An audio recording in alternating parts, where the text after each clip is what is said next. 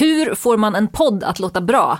Hur ska man tänka runt innehållet i podden och hur når man lyssnare? Det ska vi prata om i den här tipspodden, eller poddpodden som man skulle kunna säga.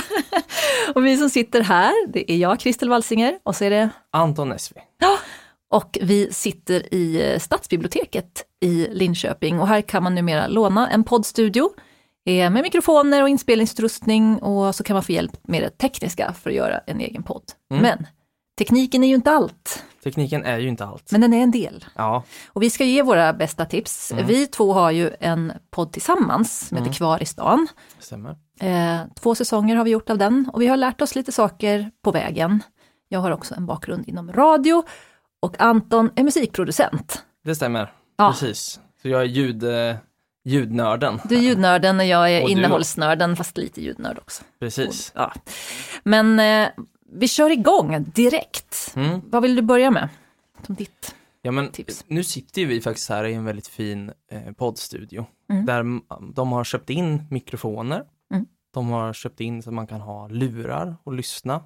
Det kan vara ganska skönt när man mm. sitter och spelar in att man hör sig själv. Mm. Så man märker att det kanske inte till exempel blir väldigt hög volym när man pratar och sådär. Mm. Eh, så det första är ju såklart att ha fungerande teknik. Mm. Det kan låta så självklart, mm. men det finns faktiskt ganska stora poddar där ute som stundtals låter förfärliga. Ja. Um, och då har man inte kanske, då kanske man ibland sitter på distans också och spelar in, det kan mm. vara sådana grejer. Men jag tycker det är jättesvårt att lyssna på poddar som låter dåligt. Man ska ändå tänka på som sagt att lyssnaren ska orka lyssna i 40 minuter. Mm. Och är det väldigt eh, dåligt ljud på något sätt så kanske det är svårt att lyssna på om man får anstränga sig. Det vill man ju undvika. Mm. Eh, så det första är ju helt enkelt att hitta kanske, det, man, då får man ju tänka vad är det här för typ av podd? Är det en intervjupodd där vi är två stycken som du och jag Kristel och vi intervjuar någon som vi har haft, då vill man ju ha tre mikrofoner. Mm. Man vill ju att alla gäster ska ha en egen mikrofon. Att börja mixa, att alla sitter och pratar i en mikrofon är väldigt mycket extra jobb och svårt. Mm, det blir svårt att mixa i efterhand om ja. något har gått fel. Eh, så tips ett är helt enkelt mm att undersöka lite vilka eh, saker man behöver. Men egentligen kort och gott så är det ett ljudkort.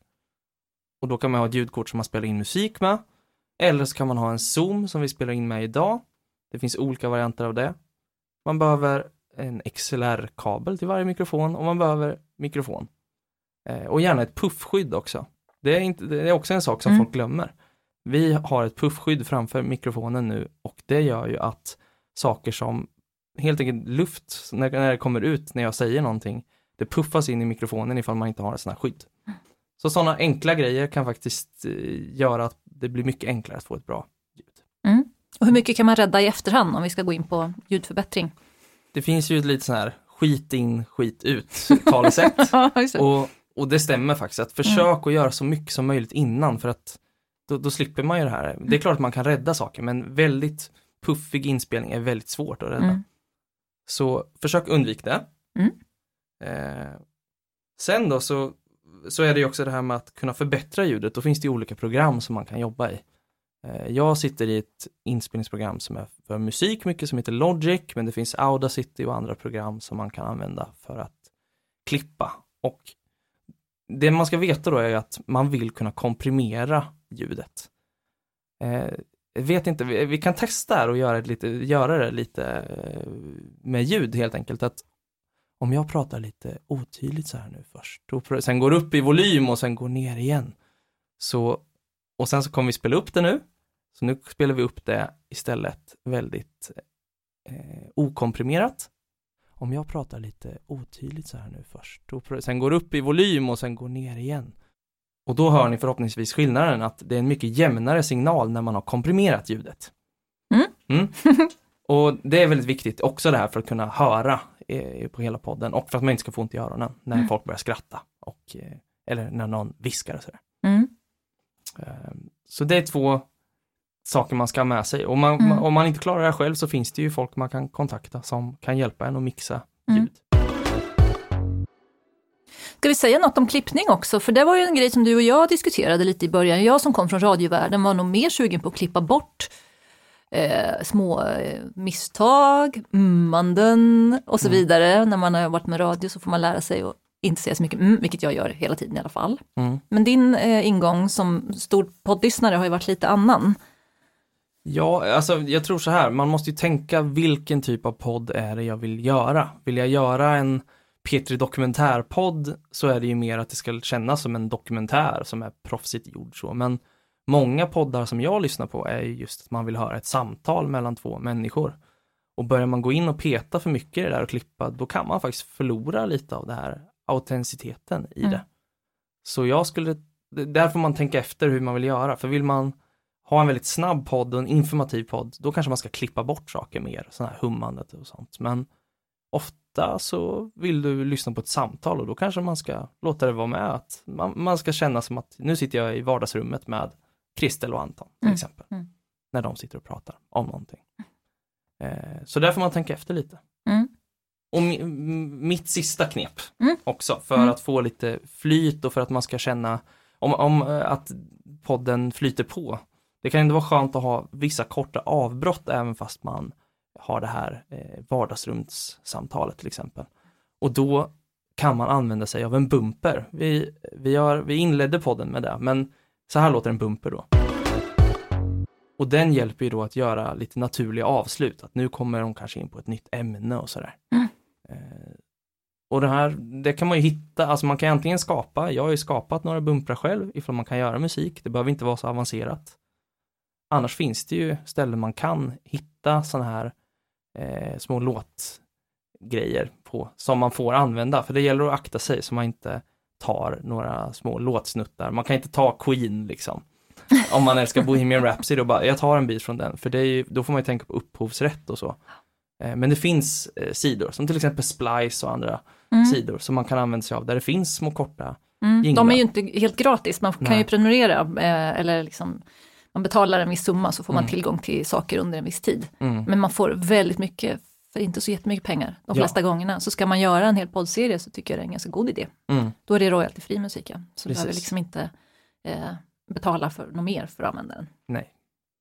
Men det ska vi nämna att vill man använda musik i sin podd, Mm. då går det ju att lösa licenser med STIM och med IFPI. Eh, och det, är, det kostar några hundra för en sån här licens och det kostar mer ju större lyssning du har. Men vill man använda sig av musik, och det förhöjer ju en podd väldigt mycket, Absolut. då är, kan det vara värt att betala lite för det. Och det hittar man information om på deras hemsidor. Har du några knep, du som är lite, du är ju ändå radiojournalisten här. Skjutjärnsjournalisten. ja men den som Eh, jag kan luta mig hos, mhm. till ofta liksom. Knep och knep, men jag skrev ner några saker som jag tycker är bra att tänka på, som jag tycker att vi har eh, fått fundera också på. Eh, och det här kommer ju tillbaks lite till det här med, med klippningen och, och, och att kunna lyssna på en längre podd, att orka det. Lägg lite jobb på en disposition, tycker jag. Ehm, det är lättare för lyssnaren att hänga med om man inte hoppar fram och tillbaka i innehållet för mycket och i samtalsämnena, utan man har en riktning liksom med samtalet och då vet man kanske att i början pratar vi kring den här saken. Har du en gäst så kanske man ibland kanske man börjar kronologiskt. Varför började du jobba med den här saken? Varför blev du intresserad av det här? Vad var det i din omgivning som fick dig att tycka det här? Då kanske man börjar där och så rör man sig framåt i tiden. Mm. Eh, men det kan finnas andra sätt också att liksom hitta riktning i en, i en intervju eller i ett samtal. Du kan ju börja med något väldigt aktuellt också. Om det är en aktuell Absolut. podd som ska Ja. komma ut samma vecka, så, så här, det här har hänt. Och hoppa i tiden kan man göra, Mm. men om man gör det hela tiden, nej men vi går tillbaka till det där, nej men nu är vi då kanske det är svårt att hänga med. Sen tycker jag också, tycker jag, sitt inte och drällprata i en halvtimme innan ni kommer igång med vad podden ska handla om. Eh, många orkar inte hänga med då. En del är jättebra på det här, ofta komiker och sånt kan sitta och prata om ingenting hur länge som helst. Men om du inte är en komiker och är jättebra på det jobbet, försök komma igång eh, med vad podden ska handla om ganska snart. Det är ett tips. Ja, det tycker jag eh, också bara för att flika in där att uh, ibland har man ju känt när vi har haft gäster hos oss till Mm. exempel att oj, nu pratar vi om något som det här vill vi göra med i podden och så Mm. blir det inte lika naturligt att prata om det sen att vi ska spela in eh, om vi har småpratat i en halvtimme. Nej, Så det är bättre, då är det bättre att sätta sig ner, göra ett ljudtest, Mm. spela in lite ja. eh, och så kan man klippa in det här pratet om det.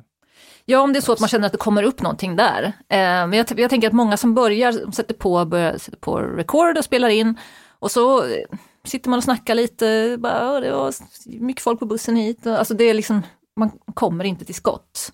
Eh, det är lite det jag menar. För ett annat tips är ju just att det kan vara en god idé och prata med gästen en stund innan för att komma igång. Mm. Ehm, och då kan man ju försöka att prata om saker, men in, inte om de grejerna man vill ha med i podden sen.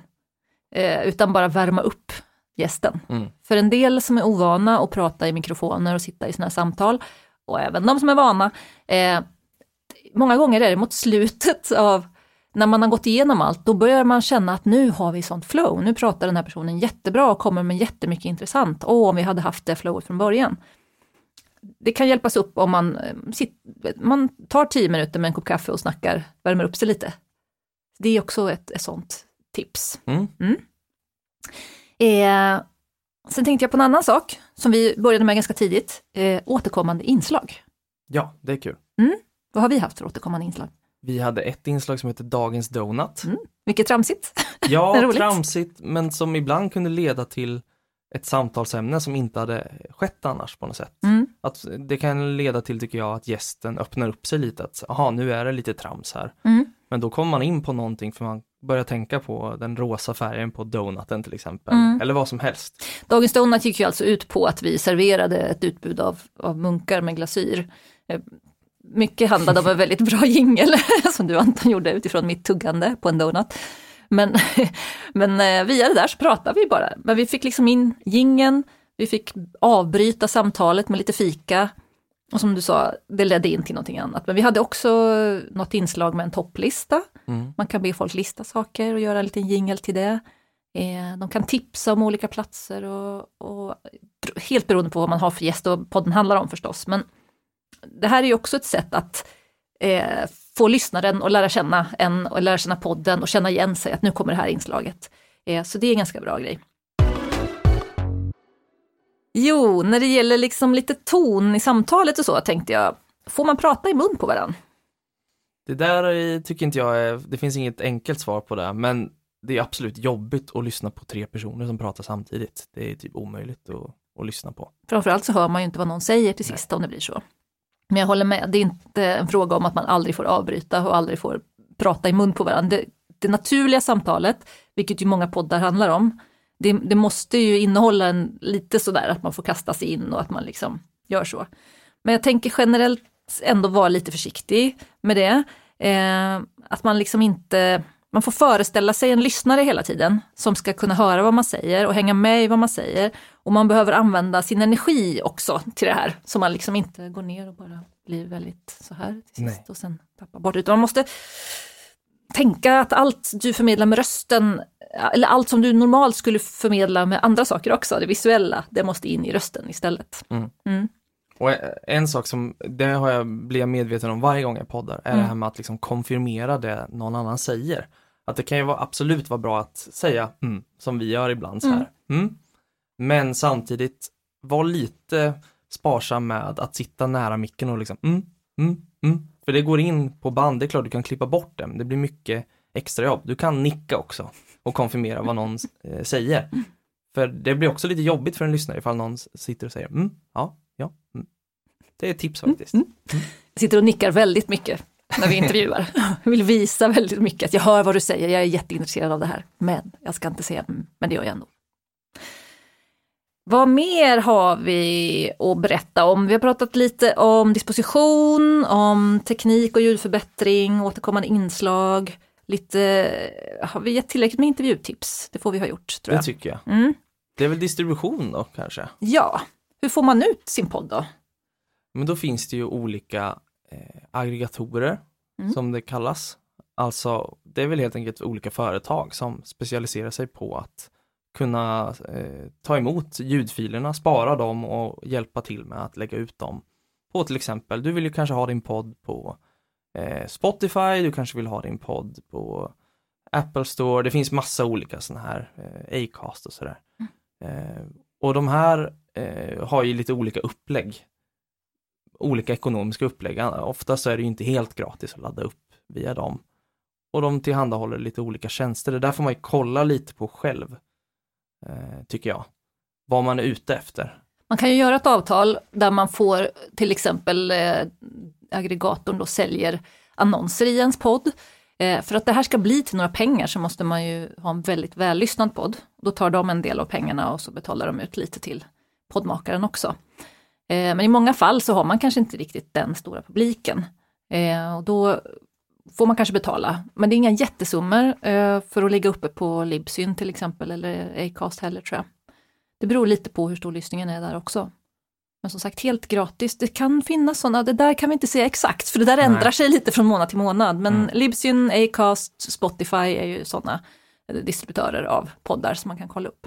Precis. Och ofta så är det så att en aggregator kan hjälpa dig att hamna på alla äh, plattformar. Mm. Du behöver ju inte ladda upp den hos Spotify för att hamna hos Spotify. Nej, det är det som är deras bra jobb, helt enkelt, ja. att de distribuerar, distribuerar ut den till massa olika platser. Mm. Och sen ska man förstås använda sig av sociala medier för att nå ut med att man har den där podden också. Mm. Det är som med allting annat, man behöver ut och slåss om utrymmet för att försöka nå sina lyssnare. Ja, och mm. även om man har gäster till exempel, kanske be dem eh, dela det här på sina sociala medier. Så att, att fota och, och, så under och efter podden. Om man har en gäst till exempel, eller om man bara spelat in själva, ta en bild. Och, för då, oftast är det så att du kan använda det som avsnittsbild också. Och det är ju, sånt ger faktiskt lyssnaren lite att kunna få se personerna som man lyssnar på, mm. på något sätt. Mm. Och där har vi väl egentligen någon sorts grund. där har vi en grund, finns, ja precis. Det, det finns ju väldigt mycket. mycket att prata om. Ja.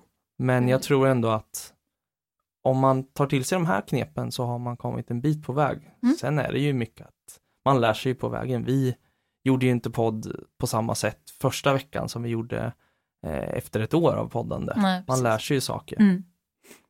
Men det beror också lite på vilka omständigheter och var, var man kan sitta och sådär allt förändras ju. Precis. Mm. Men lycka till med ert poddande. Kör hårt!